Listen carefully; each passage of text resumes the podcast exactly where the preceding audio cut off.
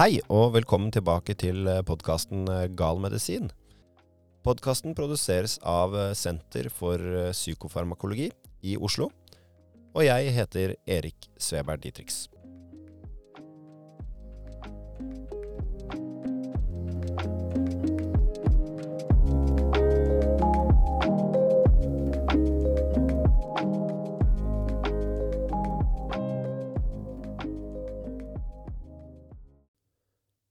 Klokka var i ferd med å passere ett da sola brøt gjennom skylaget over fjellmassivet. Utspringet i bergveggen eh, tårnet over George Mallory, som i samme øyeblikk ble sett av utenforstående for siste gang på 75 år. Han var neppe klar over at solstrålene som eh, reflekterte seg i snøbrillene hans, og samtidig ble observert i dalbunnen noen tusen meter lenger nede, kom til å gi grobunn for et av fjellklatringens store mysterier. Studenten Andrew Irvin fulgte Mallory oppover i dødssonen, da tåken på nytt omsluttet fjellet og hvisket mennene vekk fra samtiden. Med seg hadde de et kamera som kan gi svar på hva som skjedde denne junidagen i 1924, dersom det noen gang blir funnet. Om klatrerne ante hvilken skjebne som ventet dem i fjellet, kan vi ikke vite. Men de fortsatte målrettet mot verdens tak. Oksygentankene på ryggen kom til å gå tomme før de nådde tilbake til den øverste leiren. Så langt kom de to mennene aldri. Det vet vi. Conrad Anchor var i 1999 en del av et team som lette etter likene av Mallory og Irvin på nordsiden av Mount Everest. I en høyde på 8157 meter fikk han øye på et stykke tøy som lå under noen steiner i Ura, som skråner ned fra fjellet. Å komme over tøystykker er ikke uvanlig på Mount Everest. Rester av telt ligger igjen mange steder på fjellet. Anchor stoppet likevel opp og så seg rundt i det grå landskapet. 30 meter unna skimtet han noe hvitt. Det lignet ikke på snø eller is som ble reflektert i sollyset, men hadde en blekere fargetone. Da han nærmet seg, så han at eh, det var en bar fot som stakk opp blant steinene. Med unntak av ryggen og den bare foten var kroppen dekket av tøy. Men det var ikke moderne Gore-Tex-stoff eller annet syntetisk materiale som omga liket. Den omkomne klatreren hadde tatt sju eller åtte lag med ull, silke og bomull på seg. Anker skjønte straks at dette var en person som hadde ligget i fjellet svært lenge. Håpet om at han hadde funnet det de lette etter, begynte å spire. For å ikke avsløre seg over det åpne radionettet, som potensielt kunne høres over hele Nepal, forsøkte han å varsle de andre i teamet ved å snakke i kode. Jake Norton var den som befant seg nærmest og hørte den første meldingen fra Anker, som inneholdt ordet Balder, kodeordet for body, altså lik eller kropp. Og da han over radioen ble invitert ned i steinura på te og sjokolade, nesten 8200 meter over havet, skjønte Norton at noe spesielt lå under steinene. Navnelapper på klærne til klatreren, som Anker fant på ekspedisjonen i 1999, avslørte at det var Mallory som lå foran ham. Han var frosset fast i bakken, med ansiktet begravet i grusen. Armene var utstrakt med hendene plantet i ura, slik at han tilsynelatende klamret seg fast i bakken. Rundt livet på den mumifiserte kroppen fant klatreren et tau som var røket i den ene enden. Dette var klatretauet livlinen som hadde holdt Mallory sammen med Irvin, og som på et tidspunkt, enten på vei opp eller ned fra toppen av Mount Everest, hadde sviktet. Det var tydelig at Mallory hadde falt stygt etter at tauet røk. Den høyre albuen så ut til å være ute av ledd, mens hans høyre legg hadde et tydelig og stygt brudd som omfattet begge de to leggbeina. I en lomme fant man et par uskadde snøbriller noe som kan tyde på at Mallory og Irvin snudde først etter solnedgang. Det er usannsynlig at han ville ha tatt av seg brillene i dagslys.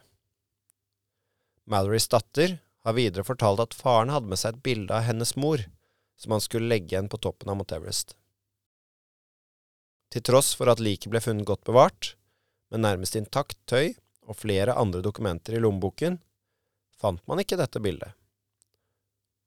Begge funnene, eller eh, snarere fraværet av dem, er blitt tatt til inntekt for at de to kan ha nådd toppen av Mount Everest, og at toppen ble nådd allerede i 1924. Først 29 år senere skjedde den første verifiserte bestigningen av verdens høyeste fjell. Da nepaleseren Tenzing Norgay 29. mai 1953 nådde toppen sammen med den newzealandske birøkteren Edmund Hillary. Mange indiser tyder på at Mallory og Irvin var på vei nedover da de falt. Mallory ble funnet lenger ned enn de øverste sporene vi har etter de to klatrerne. Vi vet ennå ikke om Irvin døde i samme fall. Uansett kan påkjenningen fra kulden, den fysiske anstrengelsen og det at de mest sannsynlig gikk tom for oksygen, med påfølgende symptomer på høydesyke, ha forårsaket de to klatrepionerenes død. Kroppens største utfordring i stor høyde er at atmosfærens oksygentrykk faller når vi stiger oppover fra havet. Populært sier man at luften blir tynnere jo høyere vi befinner oss, og det stemmer på sett og vis, fordi luften er mindre trykket sammen høyt over havet. Ved havoverflaten er lufttrykket høyest. Høyt trykk fra en bilpresse vil presse en gammel og rusten bil sammen på bilopphuggeriet. På samme måte som bilen blir tettpakket og tar mindre plass når den ligger flatt på bakken, vil også luften være tettpakket i lav høyde over havet. Her sier vi at barometertrykket er høyest, og oksygentrykket vil også være høyt. Barometertrykket ved havoverflaten varierer en del gjennom årstidene, og kan varsle oss om det blir fint eller dårlig vær. Lavtrykk er assosiert med dårlig vær og vind, og de laveste trykkene ved havoverflaten finner vi i tropiske orkaner og tornadoer. Ikke overraskende er det i Bergen man har målt det laveste lavtrykket i Norge. Når vi beveger oss oppover i høyden, vil likevel trykket avta mye mer enn det som forekommer under variasjoner ved havoverflaten her i Norge. Det er altså ikke slik at du trenger være bekymret for å få nok oksygen dersom Dagsrevyen avsluttes med at eh, meteorologen varsler et kraftig lavtrykk. Ved 5500 meter er barometertrykket halvert. Trekker vi da en liter med luft i lungene våre, vil luften være halvparten så sammentrykt som ved Aker Brygge. Derfor kommer det tilsvarende lave mengder med oksygenmolekyler inn i lungene våre når vi puster i denne høyden. Lave mengder oksygen i luften er problematisk for kroppen fordi hjernen, hjertet og alle våre andre organer er avhengig av nok oksygen for å overleve. Dette farge-, smak- og luktfrie grunnstoffet, med det enkle kjemiske symbolet O, er altså grunnlaget for den menneskelige tilværelsen på jorda. Når vi puster, så blir oksygen i luften tilgjengelig for kroppens organer ved hjelp av 700 millioner små lungeblærer. Disse kaller vi alveoler i medisinsk terminologi. De små luftblærene er luftveiens endestasjon. Når vi puster inn, så vil luften først gå gjennom nese eller munn, og fortsette videre inn i luftrøret, som går ned gjennom halsen og er beskyttet av ringer av brusk. På vei ned mot eh, lungene passerer luften stemmebåndene før luftveien deler seg i en Y. De to korte armene av Y-ene kalles eh, bronker, hvorav den ene går til høyre lunge, og den andre går til venstre lunge. I lungene fordeles så luften ut i de fem lungelappene. Det er to på venstre side, der hjertet tar opp plass i brysthulen, og tre på høyre side. Til slutt ender luften opp i de små lungeblærene, som har en diameter på bare en tiendedels millimeter. Veggen til disse tynne blærene ligger tett mot hverandre og har sammenlagt en stor overflate. Hvis man hadde brettet ut alle sammen, ville arealet vært 140 kvadratmeter altså på størrelse med gulvflaten i et stort hus.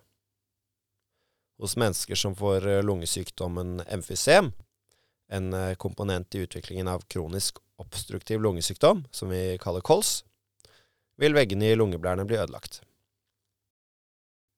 Den lave oksygenmetningen i blodet, som følger av at mindre oksygen drifter over veggen i lungeblærene når vi er i høyden, fører til frislipp av et hormon fra nyrene som er velkjent for de fleste idrettsinteresserte. Især for de som følger med på utholdenhetsidrett. Erytropoetin er bedre kjent under forkortelsen EPO. Inntaket av dette stoffet er ofte benyttet i uærlig hensikt for å oppnå prestasjonsøkende effekt i kondisjonsidretter. Normalt produseres EPO i nyrene, men stoffet kan også inntas som et legemiddel og er derfor tilgjengelig for dopingmisbruk. Fordi middelet øker kroppens utholdenhet, har mange kjente dopingskandaler vært forårsaket av EPO-bruk. Lance Armstrongs sju Tour de France-titler ble vunnet mens han brukte EPO og etter at Johan Myrlegg parkerte alle sine motstandere i skisporet på 30 km i Salt Lake City i 2002, testet også han positivt for EPO. Frislipp av EPO fra nyrene vil på samme måte som inntak av EPO gi økt produksjon av røde blodceller i beinmargen. Etter fire til fem dager vil derfor flere røde blodceller befinne seg i blodet, noe som øker muligheten for opptak av oksygen fra lungene. En påfølgende økning av oksygentilbudet i blodet gir en prestasjonsøkende effekt for eh, idrettsutøveren. Bruk av høydehus eller høydetrening, slik som eh, mange idrettsutøvere gjør utenom konkurransesesong, vil også gi økt EPO-produksjon. Siden oksygentrykket i luften er eh, lavere i høyden, så vil oksygenmetningen i blodet falle, og EPO-produksjonen i nyrene øker. Ettersom røde blodceller overlever i blodsystemet i mellom 100 og 120 dager, vil effekten av høydetrening eller inntak av EPO vare lenge, til tross for at man drar ned i lavlandet for å konkurrere. Først i 1990 bestemte Den internasjonale olympiske komité seg for å sette EPO på listen over forbudte dopingmidler. Nylig hadde forskerne klart å produsere humant EPO ved hjelp av eggstokkceller hentet fra kinesiske hamstere. På denne måten kunne man behandle mennesker med blodmangel.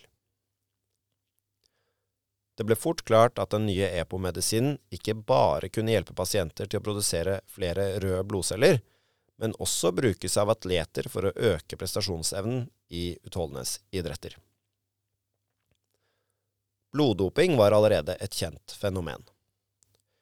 Utøvere kunne øke prestasjonsevnen ved å tappe sitt eget blod, for deretter å vente på at kroppen produserte flere røde blodceller. Før konkurransen kunne de sette det tappede blodet tilbake i sirkulasjonssystemet, og dermed få et enda større antall røde blodceller i blodomløpet. Slik doping startet sannsynligvis allerede i 1950-årene, men ble ikke ulovlig før i 1986. Da EPO ble tilgjengelig i slutten av 1980-årene, ga det altså bare en ny mulighet for utøvere til å bloddoppe seg. 14 år før forbudet mot bloddopingen ble bestemt, hadde den finske langdistanseløperen Lasse Wirén tatt OL-gull på 10 000 meter i München. Gullmedaljen var en sensasjon. Wirén hadde gjort det dårlig under Europamesterskapet året før, og kun klart en 17.-plass på samme distanse. Mer utrolig var det likevel at han falt på den tolvte runden i München, for han altså reiste seg og spurtet forbi resten av feltet. Han krysset målstreken til ny verdensrekord og OL-gull. Ikke mange har klart det etter å ha falt halvveis i løpet. Flere har spekulert i om Viren var dopet, noe han selv har benektet. Uansett var det ikke forbudt å bruke bloddoping i 1970-årene. Å bestemme at et dopingmiddel er ulovlig, er ganske uproblematisk. Det er vanskelig å finne gode metoder for å finne ut om eh, utøverne faktisk er dopet. Fra 1990 hadde dopingjegerne flere metoder for indirekte å kunne teste dette. Det var likevel eh, først i år 2000 at man fikk en metode for å finne ut om atletene hadde fått i seg EPO som ikke var produsert av deres egen kropp.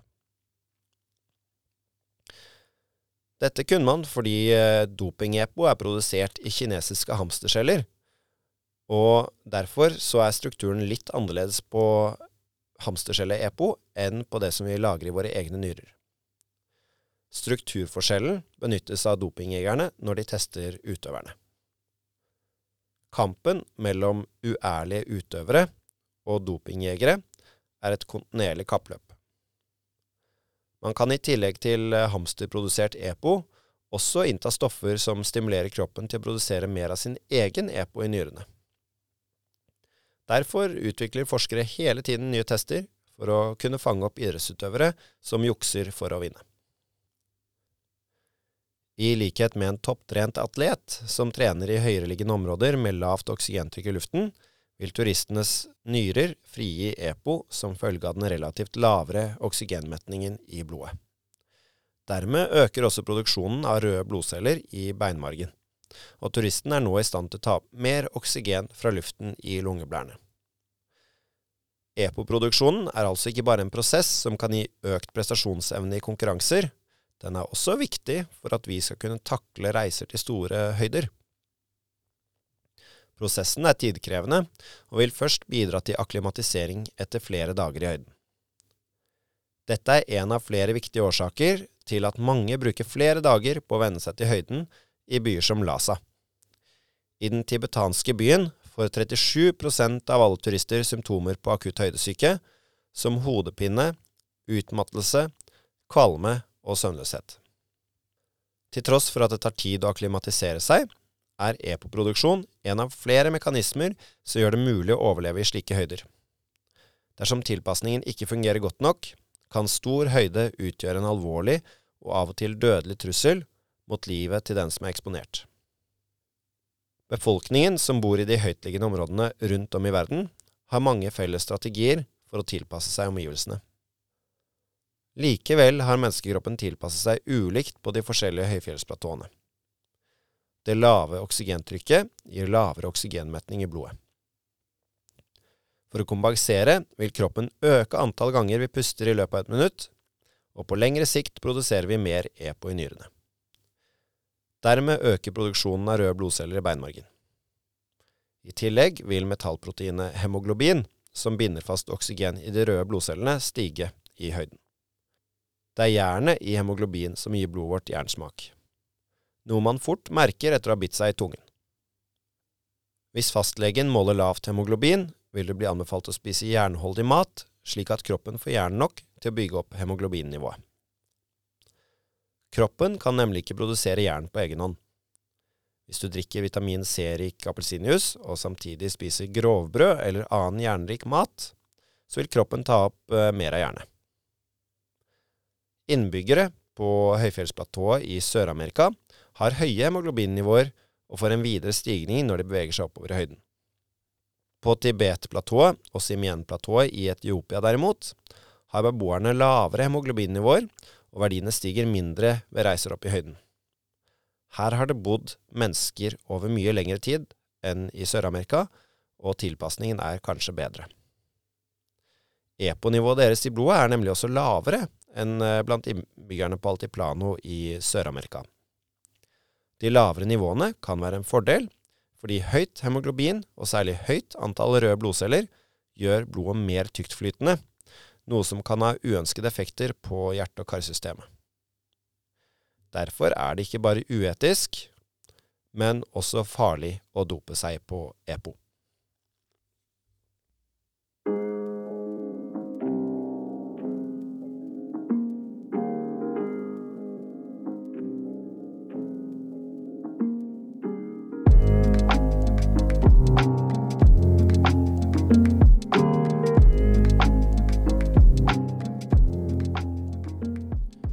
Du har nå hørt en eh, episode av podkasten Gal medisin, som er produsert av Senter for psykofarmakli ved Diakonhjemmet sykehus i Oslo. Vi vil med jevne mellomrom legge ut nye episoder av denne podkasten, og håper at du vil fortsette å følge med. Takk for nå.